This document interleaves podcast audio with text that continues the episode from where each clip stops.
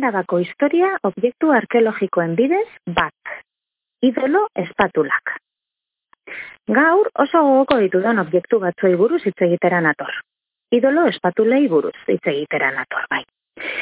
Idolo espatulak ezurrez egindako pieza batzuk dira. Neolito aroan egin zituzten, ardi edo hauntz tibiak erabilita.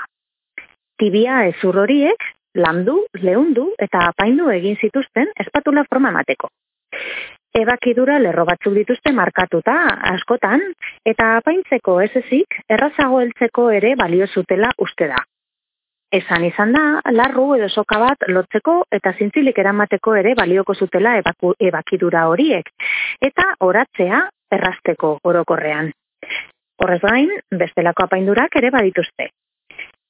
Bibak, Arabako Arkeologia Museoan erakusgai dauden artean, San Martin trikuarrian topatutakoak forma biribileko mutur oso bat dauka oraindik, burua irudikatuko lukeena.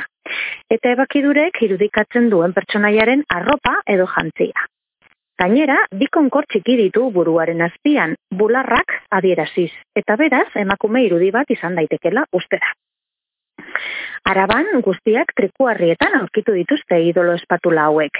Baina uste da ez zirela oso objektu arruntak eta pertsona jakin batzuen hilobiratzeatu edo hostilamentuen objektu nabarmenak izan zirela.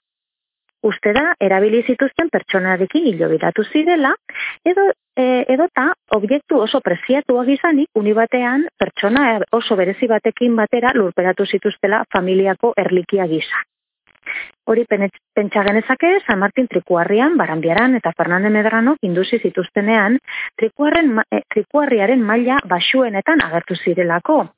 Baina sorte ona izan dugu eta gainera datatu egin izan ditugu. Eta konturatu dira ikerlariak lurperatuta agertu ziren giza ezurrak baino zaharragoak direta baliteke erriture erritu funtzioren bat ere izatea. Eta gainera, idoloak edo jainkoak irudikatzea. Eta behar bada ere, espatula gisa erabiltzen zituzten idlakoen gainean okrea zabaltzeko edota beste ritual batzuk egiteko, baina ziur ez dakigu zertarako. Ala era, ala ere barkatu, ezin dugu baztertu beste tresnen kirten edo heldulekuak izatea, mediterraneoko zenbailekutan etxeetan agertu baitira. Araban, hainbat trikuarrien induzketetan aurkitu dira.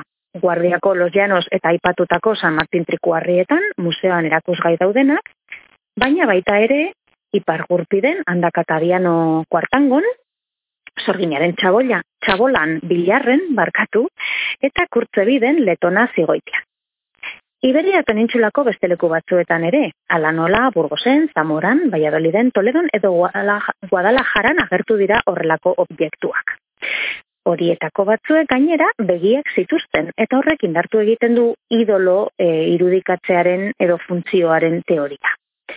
Objektu oso ezaguna dira, baina oraindik galdera asko ditugu erantzuteko ikusi duzuen bezala.